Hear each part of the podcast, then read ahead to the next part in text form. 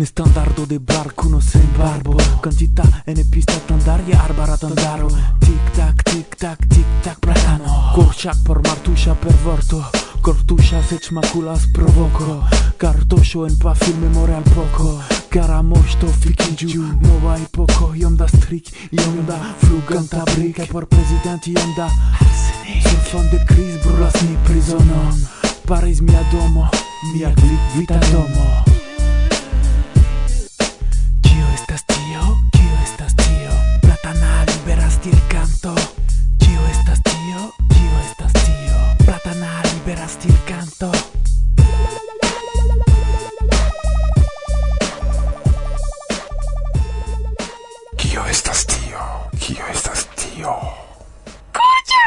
jest eh, Platano dum kiam foje enuiĝas en sia pariza hip-hop studio. Per la vorto cortusha de ĉi tie, al vi nun diras martusha Dankon. Nia primitiva Varsovia studio de Varsovia vento dum compilado Marta Goszka Michał, kiujn ankoraŭ vi aŭdos kaj mi. Multe hodiau por presenti cae diversteme, multe ne nur pro nia propra agado, sed anco pro contribuoi de Platano cae Stefan.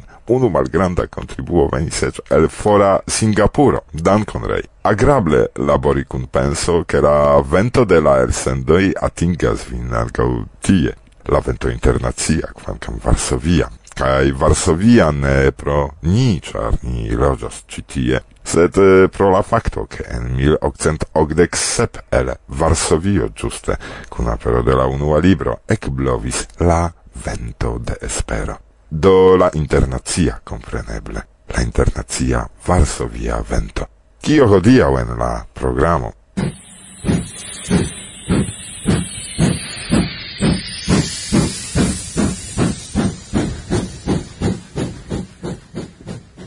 Ni loĝas en Frislando, estas la norda parto de Nederlando, kai tie estas asocio de frisa popolmuzikistoj, jes, estas tioch, kai tie ni tiui estas membroi de tio asocio. Mi mem studis historion en la universitato, eh, kai do tial eh, min flanke dekomence ciam interesis la esperanta historia, Post nia lasta elsendo nek unu commento aperis. Sed pli frue aperis.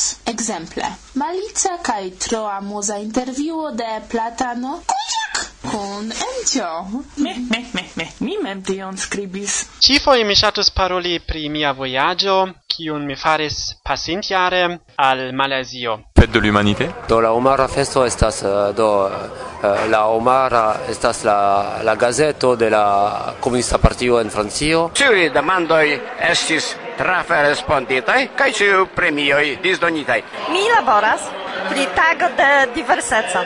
Krom ni anka estas multaj aliaj homoj kiu prezentas sin. Mi estas Agnieszka. Mi estas Ali. Tre plaĉas al vi homo interesiĝas pri Esperanto. Jes, mi gvidis konkurson pri Esperanto Ankaŭ estas homoj kiuj venas speciale por partopreni, por rigardi ĉion. Jam estis sufiĉe multaj, kelkaj eĉ longe sidis kaj ludis. De tempo a tempo mi helpas mia kolegino Alina. Estis gaje, estis interese kaj koran dankon al ĉiuj, kiuj helpis pri organizado de tiu ĉi aranĝo. 各位听众，大家好，你正在收听 Varsovian Venton。 Música!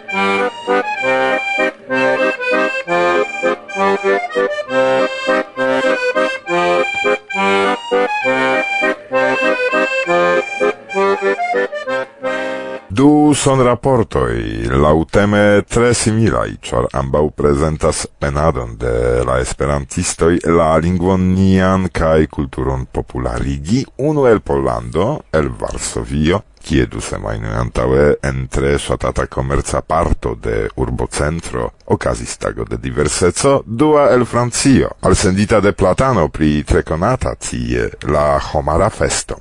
Sekve tre interesa interviuo kun autoro de la Dangera lingvo Ulrich Lins, ne nur pri la verkado mi rekomendas, Stefan rakontos pri sia impreso i dum vojaĝo al Malezio, ŝajne la unua parto de la impreso, ĉu? Martusia kaj Goska, Me, me, me priparolas viain reagoin, kiuin ili rimarkis tu nia pagio, kai ce Facebook Varsovia Vento el sendoi gruppo, kai musice pli colorigos la programon, interviuo cun Capriol, kai fakte la vorto pri colorigos strafe respegulas proponaron de ci musica gruppo. Do bon venon. Hegis sigedre. Hegis sigedre. Hegis, hegis sigedre. Eges. Eges egala. Enişgidre. Enişgidre. Ah! Varsovia vento La podcasto mia ciam bona momento Varsovia vento La orgasmo radia mi ne havas tro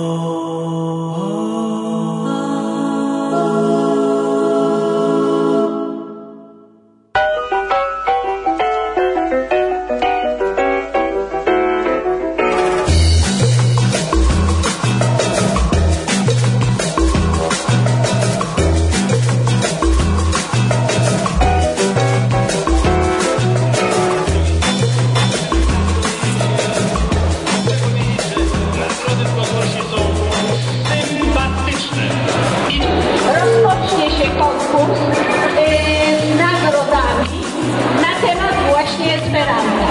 Gdzie ono i kiedy powstało, ponieważ akurat takie będą łatwe, jak kolega mówi, bardzo łatwe, i średnio łatwe. Pytanka. Tu są moje hostesy, tu, dawaj, tu jesteś, dawaj, tu reprezentacyjna. To są dziewczyny y, święte Mikołaje z nagrodami. Pytania są, jak szefa mówiła, bardzo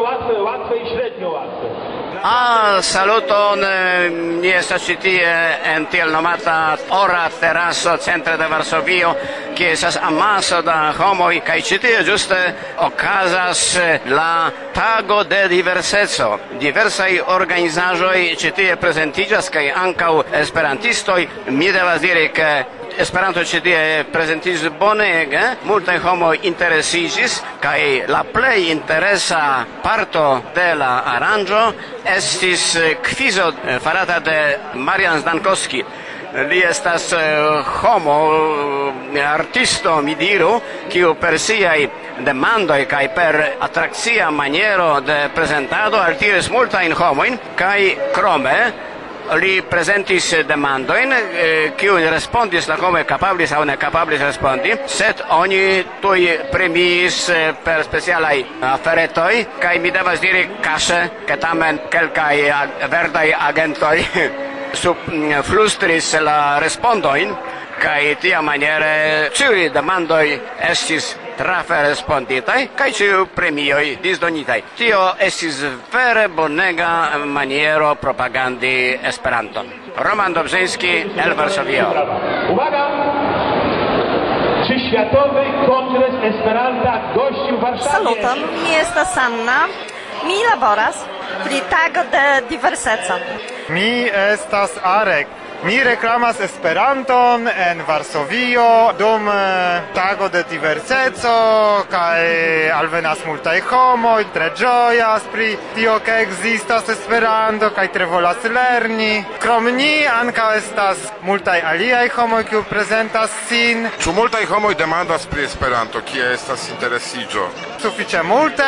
Ĉu ili nur demandas kio estas Esperanto? Parte homoj scias nenio, demandas kio estas, por kio, de kio, kotobo, sed estas parto kiu scias iomete pri Esperanto kaj eĉ volas lerni. Mi aŭdis ke vi anoncis ke okazos kurso. Ni informas pri kurso kiu okazos komence de decembro, fakte prezento ne kurso. Duonhora informa renkontiĝo kaj poste okazos prezento de nia kabareta grupo kaj tiu informa renkontiĝo komencos kurson de Esperanto en januaro. Mi estas Justyna Lisiecka kaj mi ĉi tie partoprenas la aranĝon kaj tre plaĉas al mi homo interesiĝas pri Esperanto kaj ni havas eĉ kelkajn retadresojn por informi ke kiam ni havos kurson de Esperanto kaj povas esti ke ili deziros partopreni la kurson kaj lerni Esperanto. Pri kio homoj la plej ofte demandis? Ĝenerale pri la lingvo kaj pri la simpleco de la lingvo. Podoba ci się Esperanto? Mhm. Co znasz w języku Esperanto? Eee, zwierzęta. Leono, ka kanguro, hipopotamo. A jak się nazywasz? Mi estas Ali. Tobie się podoba Esperanto? Mm, tak. Mi estas Agnieszka. Co jeszcze możesz w Esperanto powiedzieć? Yy, gitaro, telefono, yy, jako, birdo, Oj, to dobra. yy, radio, urso. Mi estas Alina. Mi occupigas pri ludoj por infanoj, kiam ili finos la babiladon, la ludadon do ni demandos pri Esperanto. Ĉu multe da infanoj hodiaŭ venis ĉi tien? Jam estis sufiĉe eh, multaj, kelkaj eĉ longe sidis kaj eh, ludis, plaĉis al ili ludiloj, depende de la aĝo. Do mi pensas ke eh, jam tiu infanoj fiksas en la memoro informoj pri Esperanto. Białystok. Wiedziałem. Sam wiedziałem. Estas Zbyszek, y, mi loĝas en Varsovio. De tempo a tempo mi helpas mia kolegino Alina kaj mi informas pri Esperanto, kion mi faras. Mi nomiĝas Robert Kamiński, mi venis speciale hodiaŭ al Varsovio por partopreni en tago de diverseco. Eh, La aranĝo okazas en granda komerca centro, tui apud e, cefa stacidomo, centro nomiĝas Oraj Terasoj. Mi speciale venis ĉi tie por helpi ĉe Esperanta stando. Mi ankaŭ helpis per flugfolioj, kiuj mi preparis speciale por e, hodiaŭa aranĝo, por disdoni inter homoj, ĉar ĉi tie venas multaj homoj, kiu ofte hazarde vizitas nian aranĝon. Sed ankaŭ estas homoj kiuj venas speciale por partopreni, por eh, rigardi ĉion. Diversaj eh, grupoj, eh, diversaj nacioj, diversaj eĉ religiaj grupoj Kaj mi dankal tio povas vidi diversecon, mi povas rigardi dancoj, legi aŭ aĉeti librojn, revuojn eh, de grupoj, kiu normale ne estas videblaj eh, en nia rapida vivo. Marian Zdankowski, Jes, mi gvidis konkurson eh, pri Esperanto. Ĉefa tasko de tiu konkurso estis tia, kiu maniere prezenti Esperanton interese kun ege ege facilai demandoj pri Esperanto kaj e, eh, mi decidis ke forme quizo mi gvidos gin. Jest, jest nagroda. Ja proponuję zacząć rozdawanie od, od toreb, żeby później mieli kto wozić. Saluton, mi estas Halina Komar, prezidentino de Pola Esperanto Asocio. Mi venis al Varsovio por organizi, fakte kun organizi la gravan Europan aranĝon preparitan laŭ la deziro de Eŭropa Komisiono kun helpo de Pola Konsiliaro de Ministroj kaj nomo de la aranĝo estis la Tago de Diverseco.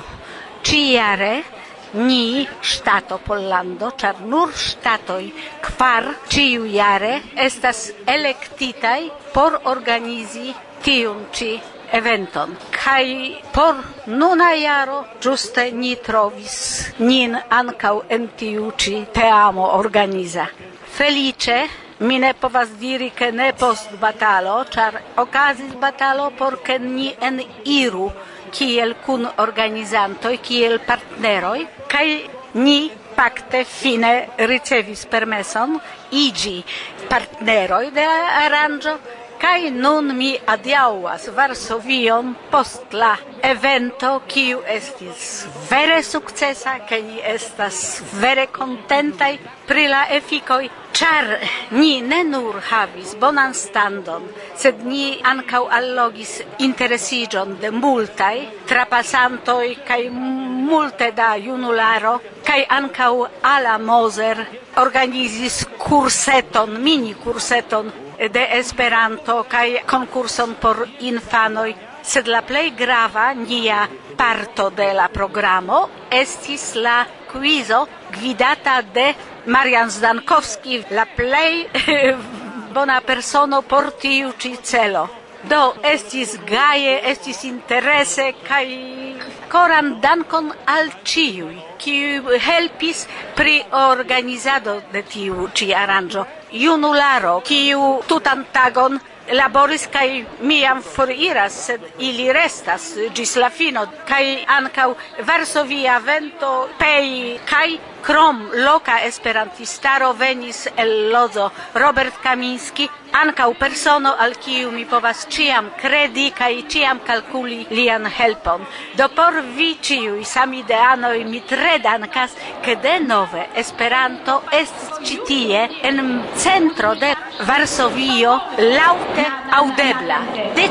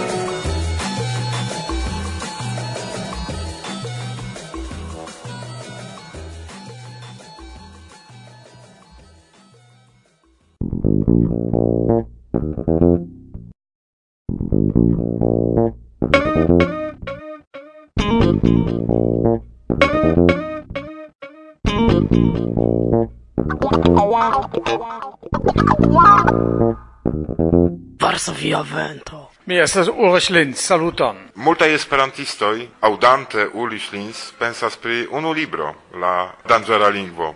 Kion vi povas aldoni al tiu ĉi historio, ĉu nur la danĝera lingvo kaj finopunkto nenion vi plu faris? Mi ne verkis nur la libron La danĝera lingvo, sed poste mi interalie redaktis novan eldonon de Vivo de Zamenhof de Edmond Privat Kai mi ankau verkis libron okaze de la centiarigio de Universala Esperanto Asocio, kiu aperis en la antaulasta jaro sub la titolo Utila estas aligio de UEA. kai mia plei lasta atingo potil diri estas la redactado cune kun Detlef Blanke de fest libro honore al Humphrey Tonkin. Kial pri tio vi okupiĝas pri la historio? Mi mem studis historion en la universitato cae do tial eh, min flanke decomence eh, ciam interesis la Esperanta historio. Antau pli ol kvardek jaroi mi comencis verki pri la historia de Esperanto dum la tria regno, da en la nazia tempo. Tiu epoke eh, la germanai esperantistoi tutte ne emis paroli pri tiu capitro de sia propria historia kiu estis malluma. Do, kiam mi aperigis mian studon, eh, uh, multai germanaj esperantistoj plendis, che mi elfosas malpuraĵojn, ke prefere pri tio oni silentu. Sed eble giuste pro tiu contraustaro estis vecita mia interessigio pri la historio, poste mi anca occupigis pri la historia de persecutoi sub Stalin, cia mi estis in Japanio, anca min interessis la situatio tie. Do iom post iom mi largigis mian interessigion pri la historia de Esperanto.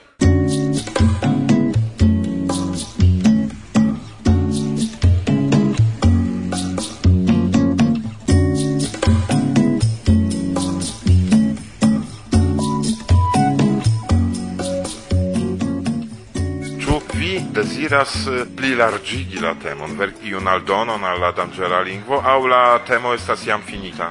Do, aldonon eble ne, au daurigon ne, char finigis cae la dictaturezzo de Stalin cae tiu de Hitler, cae felice ni ne plu havas en la mondo tiain terurain regimoin, ciae estis la sovetia sub Stalin eh, cae la nazia sub Hitler almeno in Europa ni havas multa in malbona in regimo in la eh, tria mondo malfelice ankaŭ au en Norda Koreio. Eble, se ni restus ce la temo, mi shatus si cio ocasis pri la Esperanto movado in Norda Korea, cia gi estis tia gis la jaro 1964, ca post oni nenion plu audis eh, pri tio Esperanto movado in Norda Korea. Oni povas nur diveni kial gi malfunkciis, simple la regimo ne permessas contacton con exterlando. La regimo timas che la civitanoi clerigios per de Esperanto vorto kai do tial estis tuta anachronisme en tute provi disvastigi Esperanton tie. Sed kiel dirite es kompleta mistero, kai do se vi demandas min pri temoj de esploro, eble mi dediĉos eh, foje tempon al tio.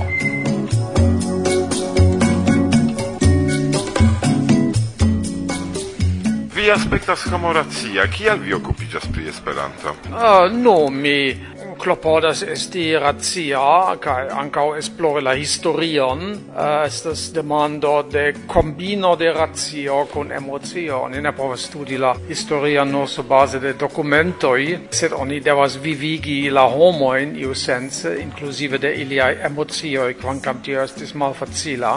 Ne, sed se vi demandas min pri Esperanto, mi venis al Esperanto pro sopiro sci pri exterlando, pri internaziai aferoi, lernejoj, kiam mi estis de qua jare en la lerneio tio ne kontentigis min, kiam la instruistoj instruis au la ocasoi mem veturi al exterlando estis eh, tiam malmultai, Kai iun vesperon mi ĉe estis varpkunvenon de la esperantistoi kai tie min interesis revuoi kiel nuntempa Bulgario kai precipe el popola Cineo Tio treege logis men eble ankaŭ la revuoj existis en la germana lingvo tiutempe, sed mi ne havis aliron. kai balda do kiel aliaj esperantisto mi ĉeestis aranĝojn, mi multege korespondis, fakte tro multe, tion oni ne povis daŭrigi, kaj poste mi eh, gajnis multajn amikojn, do tial Esperanto fariĝis neforviŝebla parto de mia vivo.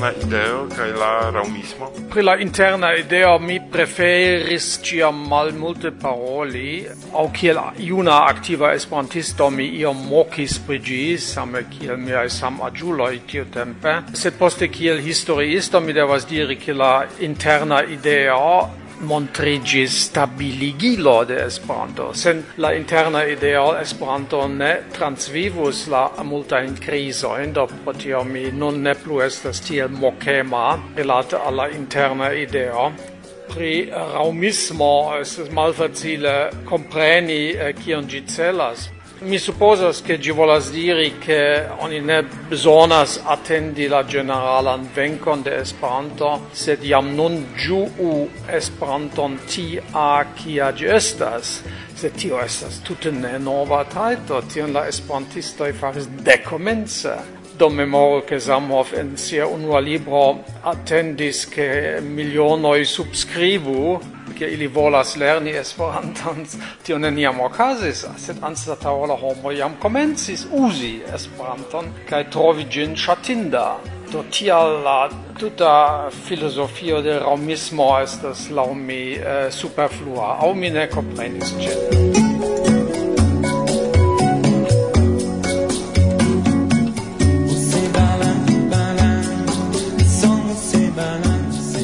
En 1937 okazis en Varsovio kongreso, kaj okaze de tiu ĉi kongreso oni eldonis oran libron.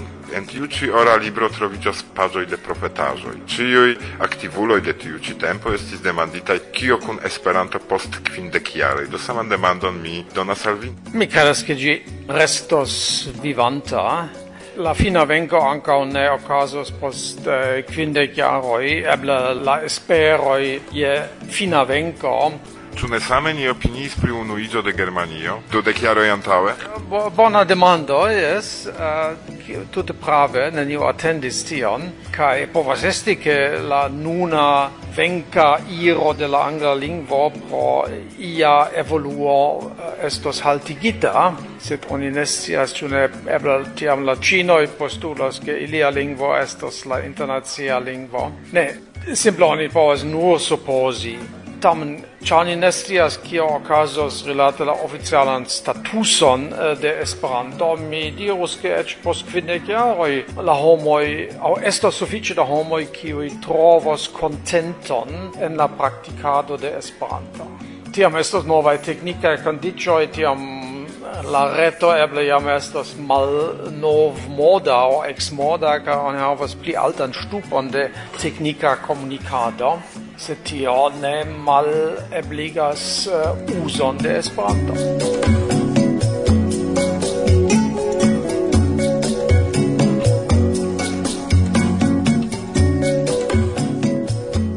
Urlich Lins private nekonata de esperantistoj. Do kiel Mi eh, diris, mi studis historion, poste mi laboris en eh, Germana institucio, kio occupigas pri la interŝanĝo de universitatanoj, sed antaŭ tio mi edzigis kun Japanino, Kaj ni plurfoje estis kune en Japanio, ni havas du infanojn, unu filinon kiu nun loĝas sola en Japanio kaj unu filon kiu laboras en Berlino. Do mia filino neniam lernis Esperanton, anstataŭ ŝi estas perfekta en la japana. Mia filo estis ankaŭ perfekta en la japana, sed mal lernis ĝin. Tam li estas bona esperantisto, ne denaska, sed de mi instruita au instruata, kai mi fakte instruis lin anta la universala in Varsovio, kai logis lin per la antaudiro ke mi iros kun li alla Congresso. Tio motivis lin, kai de tiam li estas activa in teio, kai tiel plu, kai li ankaŭ exigis kun esperantistino, ec denaska esperantistino.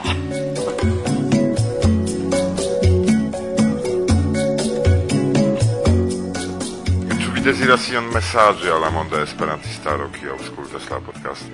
Tio estas tro pompa. Mi mi ne scias ĉu mi povas fari deklaron al la monda esperantistaro. Mi eble nur diru ke nun mi estas pensita kaj havas iomete pli da tempo kaj farinte la laboron pri la festlibro por Humphrey Tonkin mi eh, ekkomencas iomete ripozi Cio jare mi iras ancau por du monatoi al Japanio con mia edzino, do mi daure havos contacton con esperantistoi, do mi tutte certas che Esperanto kiel gis nun plue ricigas mian vivon. Tio sonas iom patose, sed tio estas facto.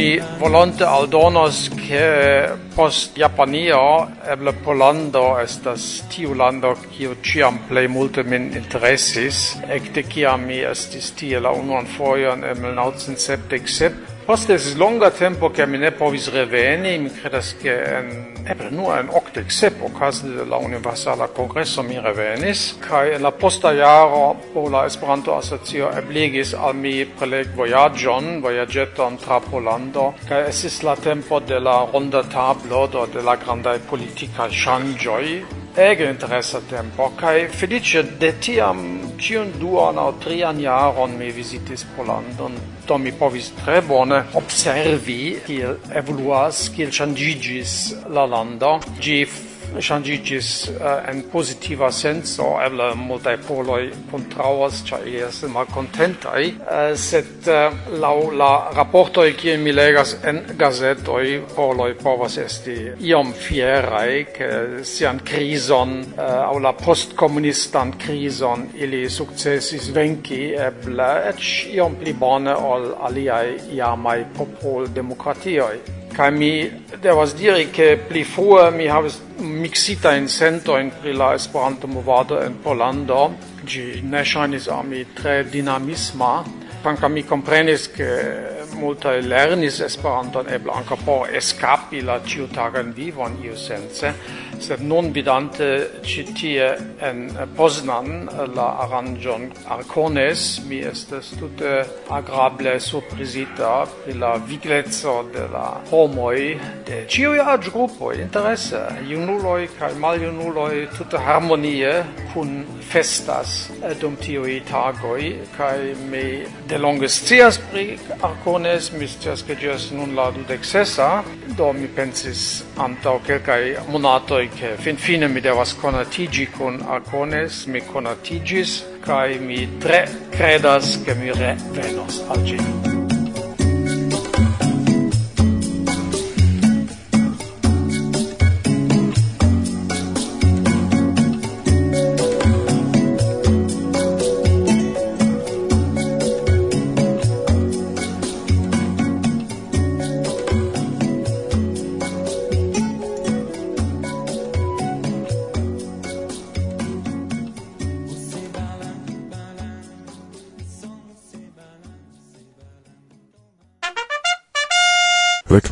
Panama Radio el sendas en Esperanto.